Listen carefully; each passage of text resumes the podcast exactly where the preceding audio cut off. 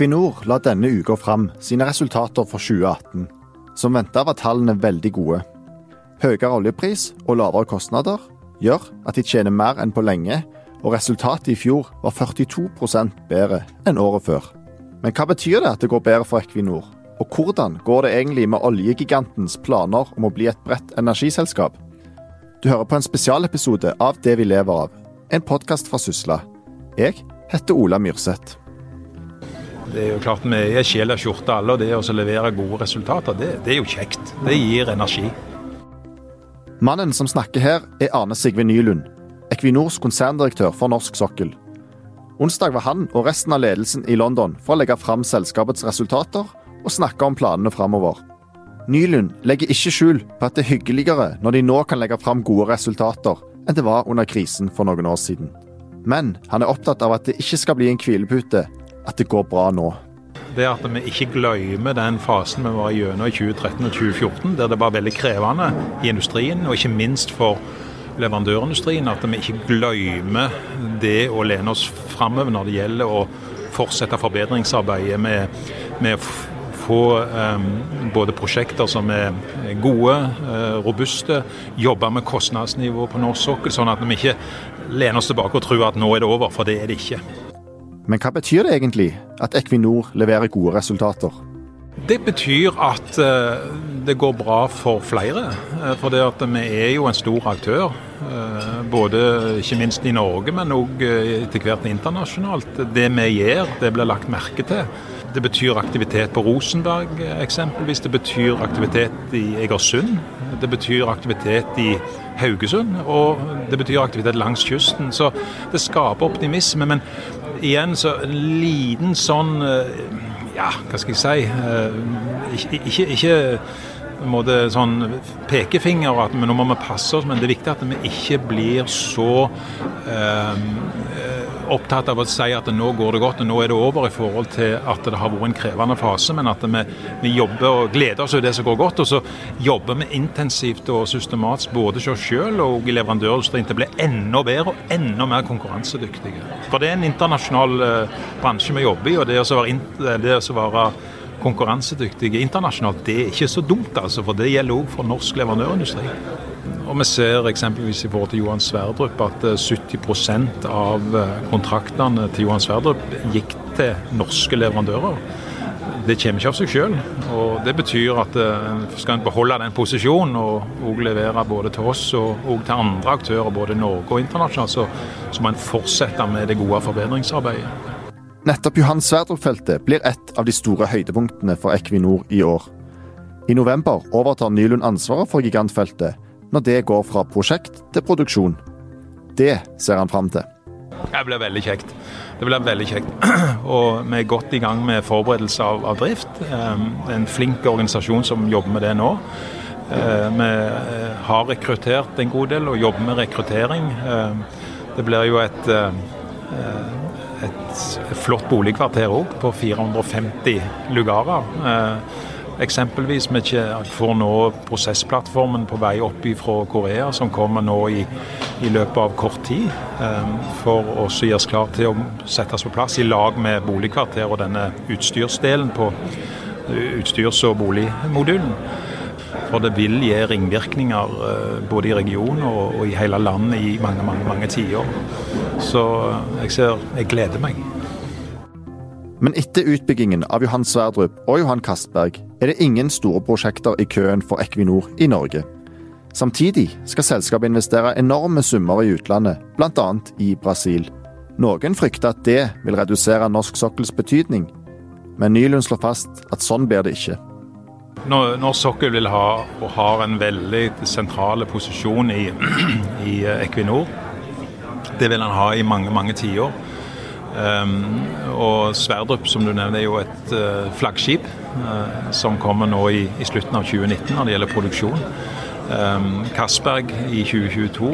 Uh, samtidig så er det veldig mange prosjekter som vi jobber med, som er usanksjonerte. Som viste noen eksempler i dag, som har reservegrunnlag på over 250 millioner fat, og det er betydelig. Så de kommer til å jobbe med. Samtidig er det en rekke prosjekter som vi kan utvikle og knytte til eksisterende infrastruktur. Så, så det er mye spennende å jobbe med. Men det er viktig å ha, ha, for seg at det, det, er ingenting som varer evig. og Derfor må vi finne nye muligheter. Vi har et ganske aktivt program, eller en plan for boring av brønner i løpet av de 20 neste årene. Vi sier 3000 brønner i løpet av 20 neste år. og Det er jo like mange brønner som er mest abort i løpet av 50 år. Eh, det er viktig. Vi har et ganske aktivt leiteprogram. Eller ser for oss en 20-30 leitebrønner per år de kommende årene. Så det klart, det må vi gjøre for oss å fylle på, eh, spesielt etter 2030.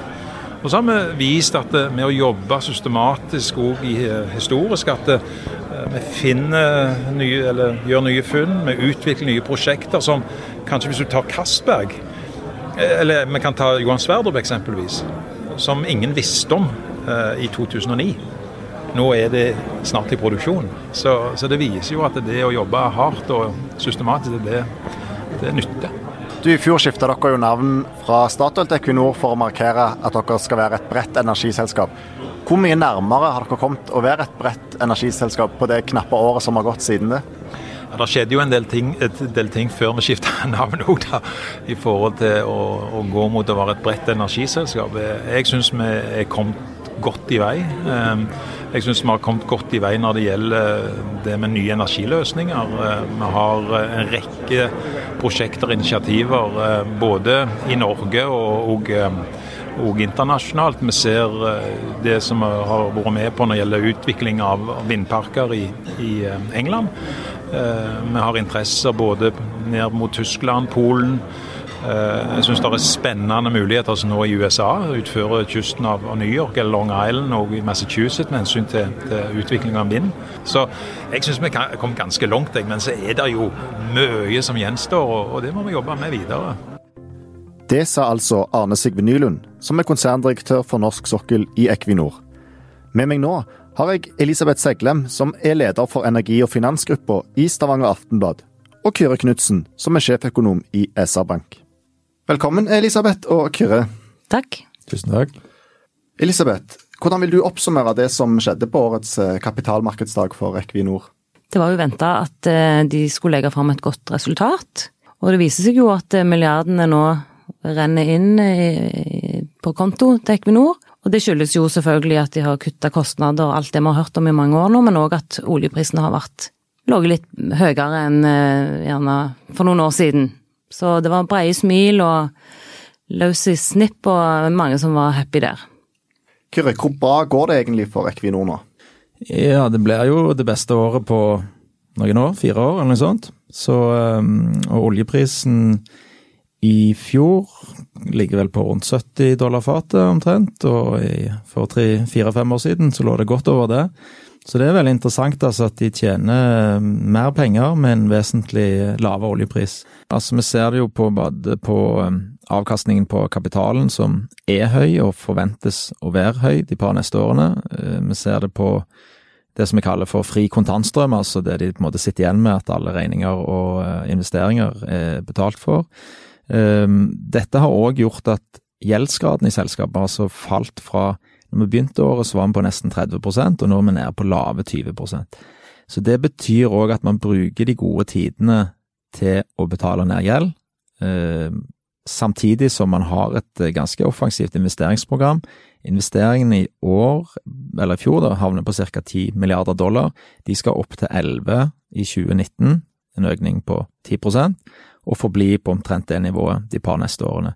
Så det, de bruker de tidene, gode tidene fornuftig. Den lave gjeldsgraden gjør jo òg at hvis det skulle komme noen muligheter i markedet der de må, må ta på litt mer gjeld, så, så vil de faktisk òg ha muligheten til det. Og Det forteller oss jo litt om den omstillingen og tilpasning som har vært i hele bransjen til et nytt inntjenings- eller oljeprisnivå. Det det var gjort veldig mye på kostnadssiden, effektivisering, se på prosjekter på en litt annen måte. Så det er en vanvittig spennende tid, eh, rett og slett, for, eh, for oljebransjen, og se den transformasjonen som man jo på en måte holder på med i tillegg til olje og gass, så begynner man å gjøre andre ting. Hva betyr det at det går bra for Equinor, da? Det er klart at når det, er, eh, når det skinner på sol på toppen, så, så risler det jo nedover. Equinor er jo det desidert største selskapet i Norge, og for så vidt i Norden. Eh, Deres prosjekter, utsikter, aktivitet altså De har jo over 20 000 ansatte. I Norge så ansetter jo denne sektoren ja, 150 000-200 000 mennesker.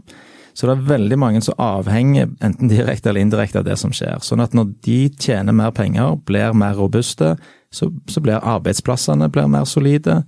Og ikke minst for alle underleverandørene, for de aller fleste jobber jo i bransjen hos underleverandørene. De får en tryggere hverdag og, og, og på en måte mer forutsigbart. Det har vært noen tøffe og krevende år. og 40 000-50 000 mennesker har jo mista jobben oppi dette, så det er klart det har vært ganske stor belastning for den delen av næringslivet, og for så vidt det det betyr for familier og nabolag. Og nå er det veldig kjekt å se at uh, i løpet av 2018 så snudde det virkelig på ansettelsesfronten. Vi ser at f.eks. i Rogaland så er arbeidsledigheten blant ingeniører og, og IKT-fag er altså halvert det siste året. Så det er gode nyheter for det måte, brede laget av samfunnet, og særlig for eh, de oljenære delene. Ja, Elisabeth, Det er jo kanskje en del leverandører som håper at noen av disse her kronene som ruller inn på Equinors konto nå, skal rulle videre til, til leverandørene. Ikke alle som er helt fornøyde med, med, med inntjeningen der? Nei, eh, det er jo sånn at eh, leverandørene, og mange av de tenker nok at de har måttet ta eh, mye av kuttene og effektiviseringen i de årene som var tunge og vanskelige. Og så er det sånn at de hører fra Eldar Sætre, som er toppsjefen i Equinor, at han ikke har tenkt å slippe kostnadene løs. Og eh, det betyr jo at de eh, ikke nødvendigvis kan forvente å få så mye bedre betalt for den jobben de gjør. Og det og de, mange har jo inngått nye kontrakter òg, for et år siden kanskje, som var der de gjerne gikk inn på kontrakter der de nesten ikke tjente penger. Og nå får de kanskje ikke reforhandla de, og de kan gå over mange år. Uh, så de, noen av de leverandørene har det jo knalltøft. Noen selvfølgelig klarer seg bedre òg, men, men særlig på gulvet, tror jeg, blant tillitsvalgte og de som jobber der, så syns de nok at det, nå kunne vi òg få litt av kaka, og ikke bare når det går bedre, så vil de òg tjene mer penger. Ja, det er, det er, jo et godt poeng at den store på en måte skvisen eller nedturen har jo vært for underleverandørene. Det, det er et lite paradoks. altså I 2018 eh, kanskje det året i historien der oljebransjen og og faktisk en enkeltbransje noensinne har tjent mest penger. Jeg tror de havner på, i sum på 550 milliarder dollar, og en, en, del av dette er jo da til Equinor. Eh, samtidig som de som på en måte leverer varer og tjenester inn, er fortsatt veldig skvisa. Så kan du si på den ene siden så er det eh, har det vært veldig god kapasitet i, hos underleverandørene. Liksom, den ble bygd opp akkurat når det begynte å gå nedover på aktiviteten, så du fikk et veldig sånn overskudd av av eh, kapasitet i bransjen, som, som, i enkelte segmenter varer lenger enn i andre. Altså hvis du driver som et oljekonsulentfirma der du fort tok ned antall ansatte, så kunne du, når det begynner å gå bedre, så ansetter du igjen. Så der på en måte løser kapasiteten seg sjøl. Men hvis du har eh, for mye rigger eller for mye offshorebåter eller andre deler der det fortsatt er godt med kapasitet, så er det nok sånn at, eh, at det fortsatt er, er, krevende tider, altså. Det vi ser i, Vi lagt et konjunkturbarometer her i, i, januar, og det vi ser at det, det, er flere og flere bedrifter, eller en ganske høy andel av bedriftene, som venter bedring i lønnsomhet. Han sier jo ikke noe om det er bra eller dårlig, men det ser i hvert fall ut at det går i rette veien for underleverandørene. Altså at, får, at pendelen svinger litt tilbake igjen i løpet av 2019 så vil det være forskjell på, på, ulike deler av, altså ulike segmenter og sånn, men i hvert fall at det går i den retningen, eh, ser det ut som nå når vi står fortsatt nokså tidlig i året. Da. Og det vi hører er vel òg at, at det er noen som fortsatt er på randen av konkurs fordi de ikke får kontrakter. Eh, mens andre eh, klarer seg bedre. For det at det, måten en jobber på nå, er at en går, inngår sånne store samarbeidskonstellasjoner der du gjerne er du med på laget til Equinor, så får du kontrakter, og du, får nye kontrakter, og du får lange kontrakter. Mens hvis du ikke får en fot innenfor der, så står du og Så sliter du. Det gjør at det kan være en veldig stor forskjell på hvordan de opplever situasjonen. Eh, Equinors virksomhet i utlandet er jo noe som har fått mye oppmerksomhet og vært omtalt og omdiskutert lenge. Hva er det viktigste som skjer i utlandet nå, Elisabeth? Nei, Det viktigste som skjer er vel at Equinor er helt tydelig på at utlandet er veldig spennende og interessant. Eh, et eksempel er jo at Brasil er blitt et eget sånn forretningsområde, og Margaret Øvrum har overtatt der og sitter i konsernledelsen som liksom Brasil-dama der. det. og USA tjener endelig Der tjener jo de penger. Eh, det har jo ikke vært noe som har vært helt selvfølgelig tidligere år. Og i Norge så leide en eh, mye leitevirksomhet, men har ikke funnet gjerne så mye oppe i Barentshavet og Norskehavet som en hadde håpa. Så vi merker jo å høre fra f.eks. tillitsvalgte fagforeninger i Equinor at de er bekymra hvis ikke en finner noe, og en snart er, altså når Sverdrup er ferdig utbygd, Åsta Hansten er jo kommet i i drift, og en venter liksom på eh, et stort nytt funn. Hvis ikke en får en ny stor utbygging der framme, så, så, vil de store investeringene på sikt gjerne skje i utlandet. Mm, ja, Kyrre. Eh, blir norsk sokkel mindre viktig og utlandet mer viktig for Equinor framover? Eh, ja, det har i hvert fall vært sånn de par siste årene. På et vis, altså, som eh, Elisabeth vender på, så er det ganske betydelig satsing i Brasil. De har, fikk noen veldig gode muligheter der eh, som følge av litt sånn spesielle forhold i Brasil, men man hadde allerede en posisjon der nede, og Pål Eitrheim, som nå er leder for det nye, nye energiområdet, han var der nede og, og, og satt i, i Brasil for noen år siden, når de tok de posisjonene. Så, um, så, det er ganske interessant hvordan de, de, har vært litt opportunistiske der. I USA har det vært litt mer systematisk og bygd uh, den posisjonen på land, i tillegg til det som er i, Gulf og Mexico. Og det at de nå har Brasil som et eget område, det viser jo at man på en måte satser ganske hardt uh, der nede. Og store investeringer, som du nevnte ja. tidligere, Ole. Ja, de skal vel investere 125 milliarder fram mot 2030, så det er jo enorme tall vi snakker om her. Så, så, på en måte det, det som de iallfall sjøl viser, er jo at utlandet blir eh, viktigere. Og så tror jeg ikke de vil si at Norge blir mindre viktig. Det er klart at eh, ser du på inntjening og produksjon fortsatt, så er det Norge veldig viktig for dem. Det er klart at eh, det vil alltid være, for det er på en måte der det hele starta. Um, det som er, er bra og, og, litt kjekke nyheter for norsk sokkel, er jo at uh, produksjonen samla sett er på høye nivåer for sokkelen samla. Eh, Equinor sin produksjon òg på sokkelen er på høye nivåer. Og, og, ganske gode utsikter de par neste årene. Altså norsk sokkel vil øke litt de par neste årene. I og med at Sverdrup kommer inn, så vil òg olja begynne å stige litt igjen. Vi har jo tidvis nå hatt uh, mer gass enn olje. Det vil endre seg litt i løpet av året i år og til neste år når Sverdrup kommer inn. Så utsiktene for norsk sokkel er bra. Men det er klart det vi må se litt på i aktørbildet. Er det sånn at Equinor trekker seg litt mer ut? Ja, så langt har de ikke gjort det, men vi har sett Exxon f.eks. og en del av de andre store internasjonale ser nok nå på norsk sokkel som jeg skal ikke si mindre attraktiv, men at du, du er mer moden, du nærmer deg mer en haleproduksjon. Så Derfor vil det være veldig gode signaler hvis man hadde klart å funne noen litt større ting nå. Husk at uh, Sverdrup, som er liksom det siste gigant, eller i hvert fall det viktigste gigantfunnet i, i nyere tid, ble jo funnet for nesten ti år siden. Um, på norsk sokkel så ble det rekordtildeling av lisenser nå i januar. Så det er klart at det er stor interesse både fra de operatørene og, og lisenshaverne og myndighetene til å videreutvikle dette. Men sånn som det ser ut nå, så kan det faktisk fort bli opptur i 2019 på investeringer og aktivitet. Men fordi at det ikke er noen store i pipen akkurat nå, så kan det dempe seg ganske fort allerede i 2020, og kanskje gå litt ned i 2021 og 2022. I hvert fall hvis vi skal tro på Oljedirektoratet sine prognoser. så vi er nok litt avhengig av at det, det er litt mer suksess i disse leterundene nå, altså i 2019, for at utsiktene for ja, de par neste årene eh, skal løftes nå. Det store usikkerhetsmomentet er jo òg hvordan eh, altså det grønne skiftet, klimastemningen for, for, for klimaendringer og hvordan en skal håndtere det blir eh, påvirke norske myndigheter og beslutningstagere? Altså hva, hva skjer året framover? Det er det vel egentlig ingen som kan si sikkert, så det vil jo være en sånn joker inn i dette her spillet, tenker jeg. Det er klart at hvis denne debatten om leterefusjon og rammevilkår generelt, hvis den kommer for sentralt opp i de sentrale partiene, så vil de antageligvis, de som sitter og ser oss litt utenfra, de vil kun lese at det er usikkerhet om norske rammevilkår er stabile. Eh, altså implisitt at de kan bli dårligere hvis det skjer noe med leterefusjon.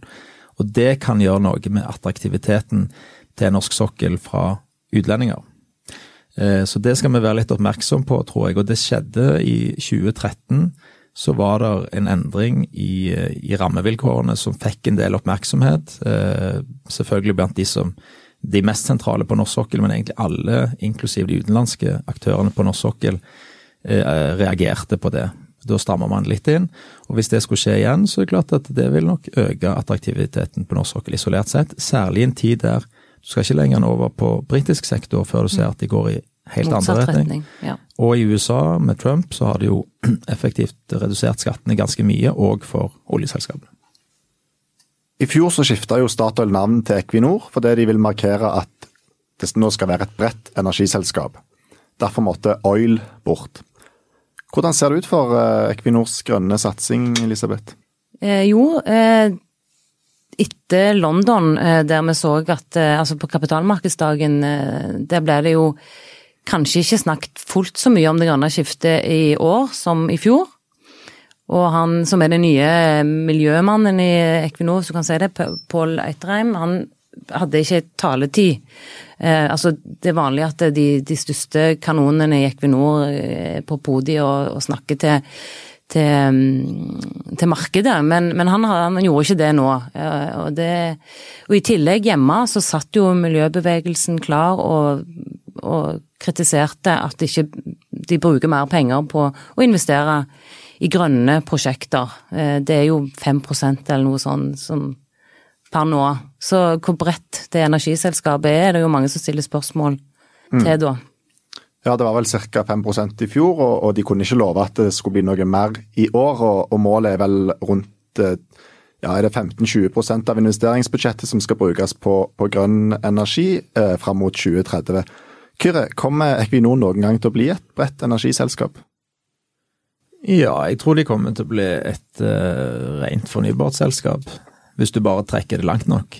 Uh, altså, Antageligvis så vil olje og gassen på slutten av dette århundret gå inn mot en uh, solnedgang. Og da tror jeg Equinor står klar med solcellene. Så, uh, så dette er jo snakk, mer snakk om en langsiktig reise, og hvordan man hvordan den modnes underveis. Jeg tror vi vil se at Eh, nå er de faktisk veldig store på havvind. altså det så hvis du hadde sett på liksom prosentvis andel som, som, de nå tar del i av det som skjer rundt omkring i sentrale markeder, så er den ganske høy, den. Så der har de tatt en posisjon, og så prøver de jo å knekke koden da, med hvordan du får satt et nytt system. Altså vi skal liksom fra A til B. Vi skal ha et lavere karbonutslipp og, og bli mer, eh, altså en mer bærekraftig verden, rett og slett, som er viktig for oss alle. Og sånn som jeg oppfatter det, er veldig viktig for Equinor å være med på den reisen, bidra. Men en del av den er jo på en måte òg at vi i dag er det sånn at uh, to tredjedeler, sant, sies 65-70% av all energi som forbrukes i verden, er kull, olje og gass. Og ja, 20, 20 kanskje, 25% er kull. Så det viktigste første steget er kanskje å gå fra kull til gass. Og, og, og så Da må du gjerne òg putte på i land der det er gode vindforhold eller solforhold, så kan du òg putte på de tingene. Og så må vi gjerne prøve å få noe backup-energi, altså ikke bare gasskraftverk, men kanskje noe batteri som fungerer i en eller annen forstand. Og det liksom det, Så kan det komme andre energikilder eller måter å omforme energi på, annet i, i nettene, som i dag mange steder er veldig lite effektive. Og jeg tror det er det som blir liksom greia òg, som Equinor sitter og ser på. Hvordan skal vi gjøre dette? Én ting er på en måte å gå inn på de rene vindmølleprosjektene, som er veldig klart at det, det, er på en måte en overgang fra noe som er fossilt til noe som er fornybart.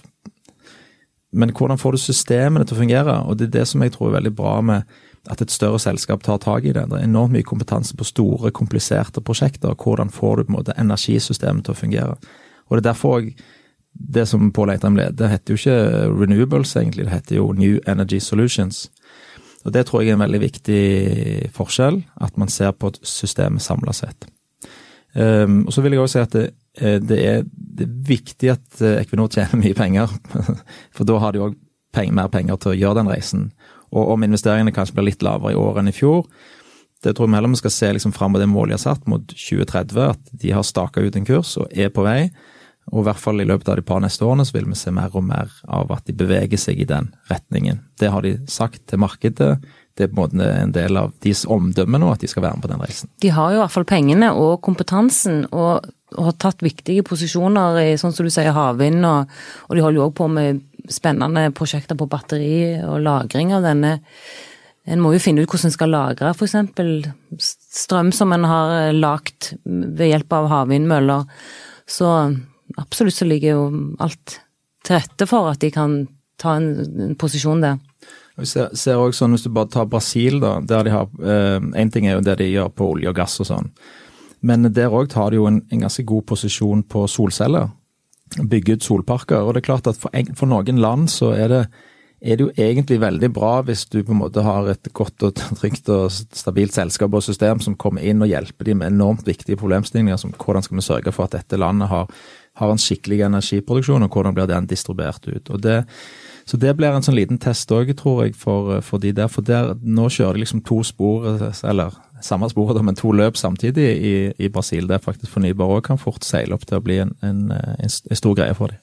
Mm. Det er ingen tvil om at Brasil er et veldig viktig land for Equinor på alle måter nå. Jeg tror vi lar det bli siste ord for i dag. Tusen takk for at dere var med, Elisabeth og Kyrre. Tusen takk. takk. Vi er snart tilbake med en ny episode av Det vi lever av. Vi tar gjerne imot innspill til hva vi kan snakke om i podkasten. De kan du sende til podkast.sysla.no. Podkast med K. Produsent er Henrik Svanevik. Jeg heter Ola Myrseth. Takk for at du hørte på.